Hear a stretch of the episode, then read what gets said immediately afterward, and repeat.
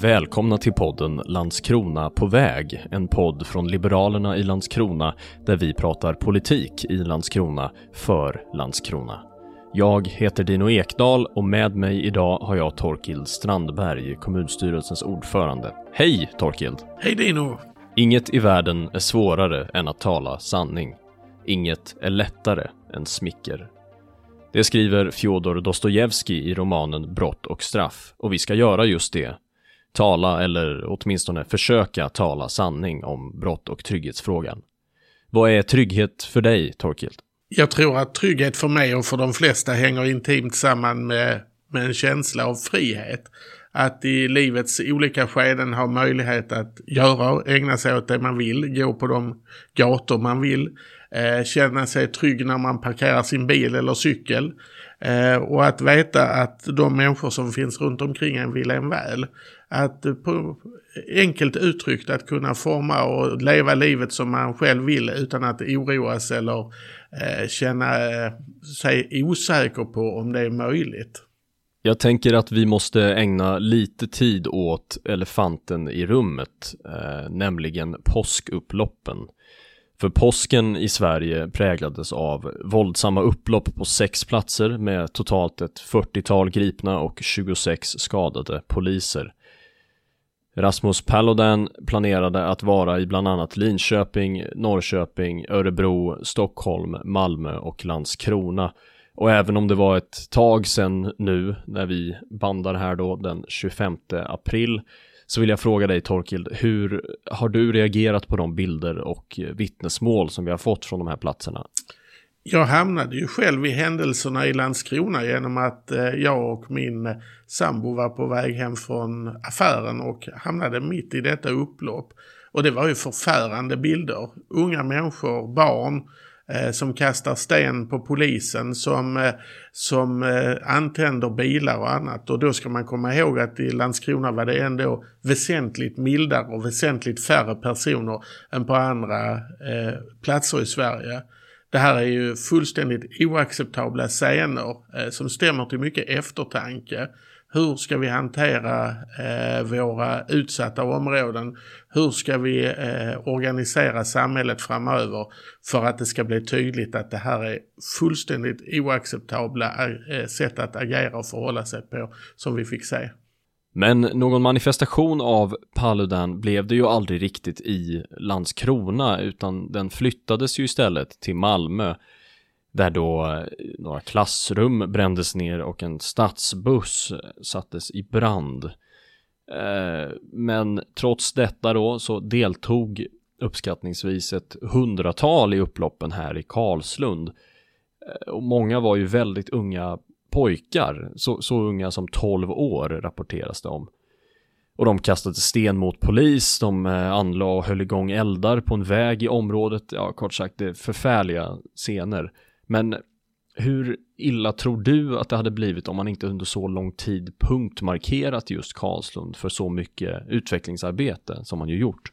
Det är viktigt att komma ihåg att Karlslund har varit under stadens lupp under lång tid och det har gjorts stora och görs stora insatser här. Eh, man eh, lyfter stegvis området socioekonomiskt, skolan utvecklas i området och presterar faktiskt ett av de allra bästa resultaten i Landskrona. Vi sätter in trygghetsskapande åtgärder, eh, allt från kameraövervakning till till eh, vandringar och annat i området. Eh, socioekonomin förbättras, medelinkomsten ökar, socialbidragsberoendet minskar. Och detta är ju resultatet av ett, av ett hårt, långsiktigt, målmedvetet politiskt arbete i området. Hade detta inte skett eh, så tror jag att, att eh, händelserna under påsken 2022 hade varit väsentligt värre i Karlslundsområdet. Karlslundsområdet är på det hela taget, om man drar ut eh, tidslinjerna ordentligt, ett område på uppgång. Eh, och det tror jag är uppenbart för de flesta i Landskrona och även för de som, som, eh, som bor i området. Ja precis och bara förra året så tog ju polisen bort Karlslund från sin lista över särskilt utsatta områden. Och de här eh, förändringarna, faktorerna som du nu pekar på var ju i, i mångt och mycket anledningarna till, till den här omvärderingen från polisens håll. Ja, polisen gör ju en värdering av att, att området Karlslund är på väg åt rätt håll och har därför också eh, sänkt eh, risk riskklassificeringen eh, av just området. Och det är ju ett, det är ett gott betyg.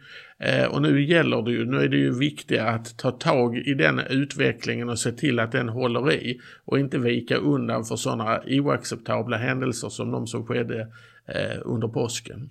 Samtidigt så ser jag konfliktlinjer här som ligger djupt i vårt själva samhälles väv eller vad man ska säga. Alltså underliggande inställningar i, i konflikt med samhällskontraktet och ytterst ett hot mot yttrandefriheten. Vil, vilken princip går eh, först här? Hur, hur tänker du kring själva koranbränningarna, Torkel? Jag är ingen vän av koranbränningar. Jag skulle aldrig få för mig att göra något sådant. Eh, och skulle aldrig uppmuntra det heller. Samtidigt måste man ju förstå att, att den yttrandefrihet som vi har i det här landet eh, tillåter detta. Eh, och så måste det någonstans vara. Skulle man förbjuda någon att bränna Koranen så, så ger man ju någon i samhället, regering, riksdag eller någon annan, eh, möjligheten att definiera vilka böcker, vilka skrifter, vilka konstverk eh, som man eh, får och som man inte får lov att använda för att uttrycka sitt missnöje med någonting. Och ett sånt samhälle vill inte jag ha. Jag vill inte ha ett samhälle där, där politiker kan definiera vilka böcker man får bränna och vilka man inte får bränna, vilka böcker man får läsa, och vilka böcker man inte får läsa. Det är ju det som är själva kärnan i vår demokrati, det är det som är kärnan i yttrandefriheten. Eh, då måste man istället arbeta med att de människor som känner sig Eh, på goda grunder väldigt provocerade eh, av att detta sker måste ju på något vis förstå att, att, eh, att kontrollera denna känsla. Att sambandet mellan att någon uttrycker en, en uppfattning om Koranen, en ganska påtaglig sådan, och att man kastar sten på polisen eller sätter eld på polisbilar. Det måste man få människor att förstå att det är inget, eh, det är inget acceptabelt sätt att förhålla sig till detta på. Ja, man kan stirra sig blind på de här, den här händelserna. Så jag, jag, jag tänker att vi nu lyfter blicken en aning och eh, försöker se de större trenderna eller den, den bredare bilden. Eh, där mycket faktiskt är jättepositivt. Bara i år då, enligt eh, Brottsförebyggande rådet, så har antalet anmälda brott i hela Landskrona fallit, ja, något oerhört de senaste åren. Det är närmare bestämt 34 procent sedan 2009. Alltså på cirka tio år har en tredjedel av brotten till synes försvunnit. Och det är ju helt enastående. Jag undrar vad, vad det beror på. Jag tror att det var så att eh, under eh, de första åren av 2000-talet, så runt 2006-2007, eh, så kom vi till en punkt där Landskrona kollektivt tröttnade på brottsligheten. Eh, brottsligheten var kolossalt närvarande i, i, i våra liv som bodde här eh, vid den tidpunkten. Eh, det begicks mycket brott, det begicks grova brott. Eh, det fyllde mycket av våra liv och staden tröttnade på det här. Eh, då vidtogs en lång rad olika åtgärder. Eh, det handlade om bostadsutveckling. Eh, det handlade om, eh, om att eh, ställa tydliga krav och stora förväntningar både på elever i skolan och på, på invånare i staden. Men sen handlade det också väldigt mycket om rent traditionella trygghetsåtgärder. Kameraövervakning, trygghetsvakter i centrum, trygghetsvandringar. Och en, en, lång rad andra säkerhetsrelaterade frågor. Därför att vi var besjälade av tanken att eh, den vanliga hederliga Landskronabon skulle återta sin, sin stad från de som faktiskt eh, höll den i någon slags åtminstone mentalt grepp genom att, eh, att ständigt begå nya och ibland grova brott. Men sen finns det ju alltid en, en anledning till att vara skeptisk till just eh, anmälda brott som ett eh, absolut mått på brottslighet. Eh, för då gäller ju nämligen att anmälningsbenägenheten är hög och att folk eh, litar på polisen helt enkelt. För annars kan ju en utveckling som ser positiv ut i själva verket vara någonting illavarslande. Men det finns ju andra tecken som förstärker tanken på att Landskronaborna faktiskt är och känner sig tryggare.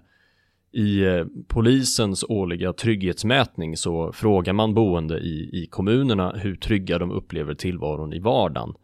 Man ställer frågor om brottsutsatthet, eh, om man känner sig trygg utomhus eh, och om vilka problem man upplever sig se i närområdet. Och i den här mätningen då så uppger Landskronaborna att de känner sig 35% tryggare idag jämfört med år 2008. Så eh, vi, vi ser alltså både att antalet anmälda brott minskar och att den upplevda tryggheten ökar och det mycket. Så väldigt mycket pekar alltså i rätt riktning vad gäller brottslighet och eh, trygghet. Va, va, vad måste vi göra för att permanenta det här? Vad måste vi göra för att hålla fast i, i utvecklingen? Jag tror att man i alla sammanhang måste vara väldigt tydlig med att det här är utgångspunkten, att det är detta man förväntar sig. Att trygghet inte får vara en avvikelse från någon sorts eh, dyster och mörk normalitet som skulle präglas av brottslighet. Vår eh, utgångspunkt är att förvänta oss att människor eh, håller sig till lagen.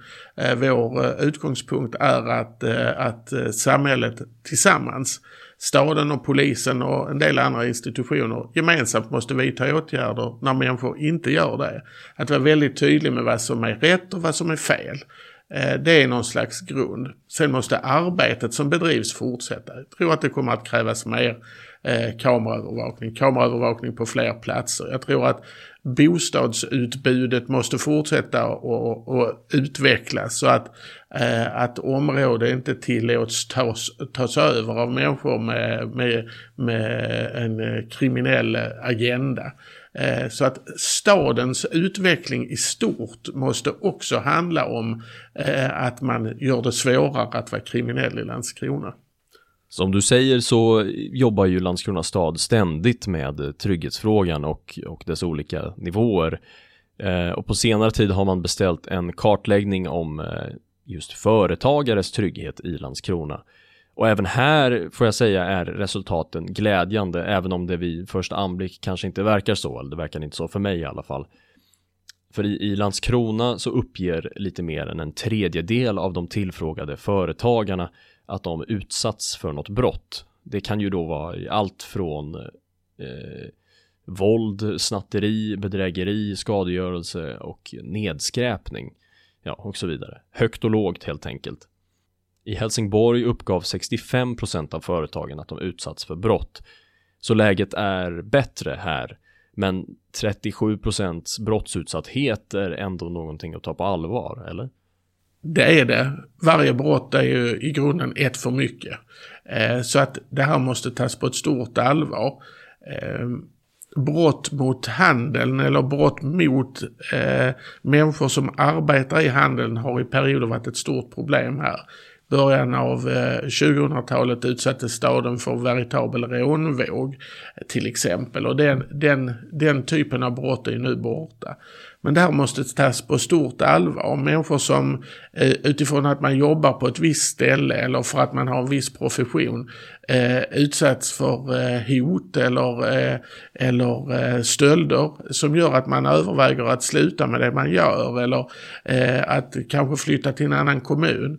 Eh, det är aldrig acceptabelt. Den här brottsligheten har länge levt ett, eh, ett liv i skymundan. Eh, och jag tror det är viktigt att så som vi nu gör i staden lyfta upp den till ytan för att kunna göra någonting ordentligt åt den. Ja, och där har vi använt upp vår kvart Torkild, så jag tänker att vi, vi avrundar för den här gången. Stort tack Torkild! Tack så mycket! Landskrona på väg produceras av Liberalerna i Landskrona och podden finns där poddar finns på till exempel Spotify, Apple Podcasts och Acast. Om du har någon fråga som du jättegärna vill att vi ska ta upp så kan du mejla till landskrona.liberalerna.se. Prenumerera gärna så att du inte missar när vi släpper nya avsnitt. Vi hörs sen, men tills dess, kom ihåg. Mycket må vara gjort, men det finns mycket kvar att göra. Landskrona är på väg.